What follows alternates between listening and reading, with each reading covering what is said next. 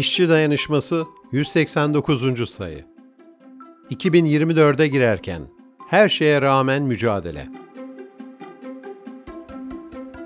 İşçi ve emekçiler için zorlu geçen 2023 yılını geride bıraktık.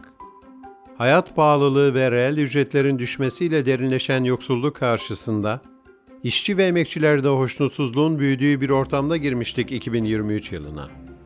6 Şubat depremleri ise silinmesi mümkün olmayan derin acılar bıraktı. Enkaz altından yükselen yardım çığlıklarıyla depremden sağ kurtulanların sevdiklerini kurtarmak için aykırışları birbirine karıştı.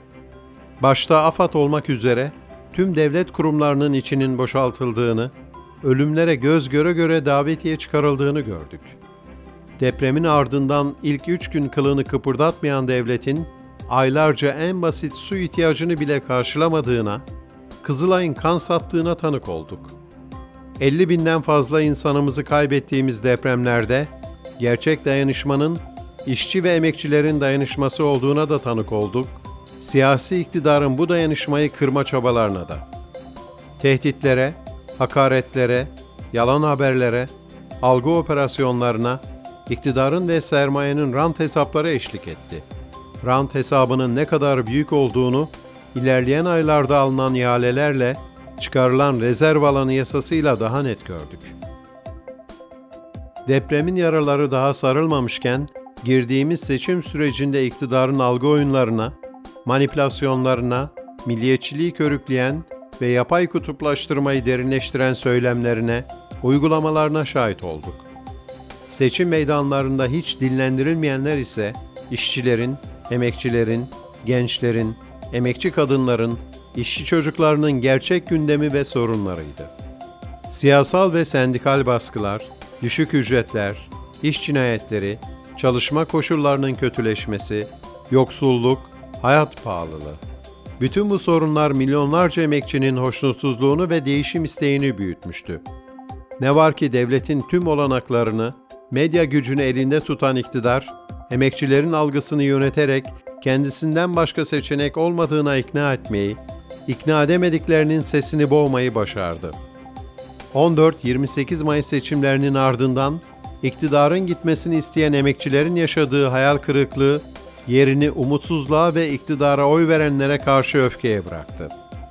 Tam da o günlerde işçi dayanışmasında bu durumun biz emekçilere zarar vereceğini, yapay kutuplaştırmayı derinleştirmek isteyen iktidarın işine geleceğini yazmış, şimdi birlik ve mücadele zamanı demiştik.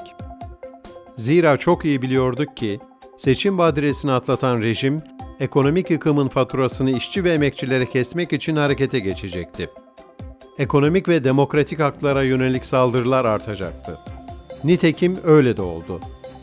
Temmuz ayında rasyonel politikalara dönüş adı altında zam sahnağı başladı, vergi oranları arttırıldı, emekçilerin kredi borçlanmasını kısıtlamak için faizler arttırıldı. 2023 yılı ek zam talebiyle eylemlerin yapıldığı Antep'ten Kocaeli'ye, Urfa'dan İzmir'e, Türkiye'nin dört bir yanında sendikalaşmak isteyen işçilerin hakları için direnişe geçtiği bir yıl oldu aynı zamanda. Polis, jandarma, kaymakam, vali, mahkemeler, hatta müftüler patronlardan yana tutum alarak işçilerin haklı mücadelesini suç olarak göstermeye girişti.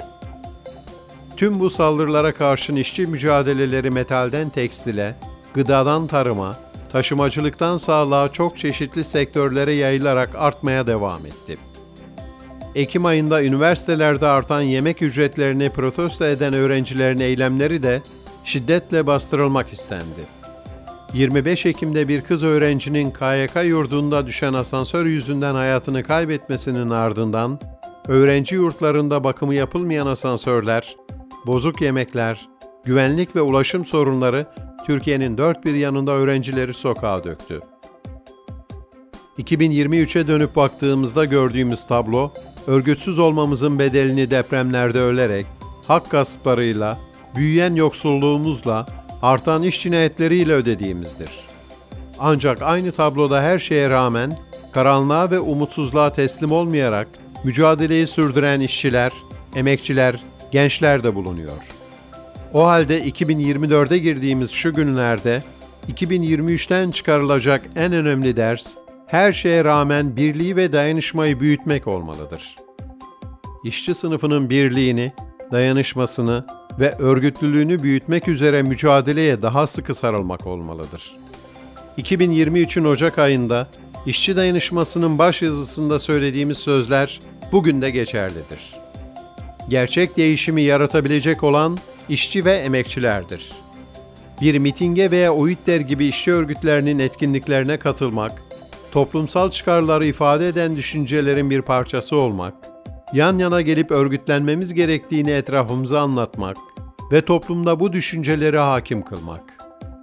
İşte bunlar mücadelenin ta kendisidir. Öyleyse bu doğrultuda tüm sınıf bilinçli ve öncü işçiler daha cesur olmalı ve daha aktif şekilde hareket etmelidir.''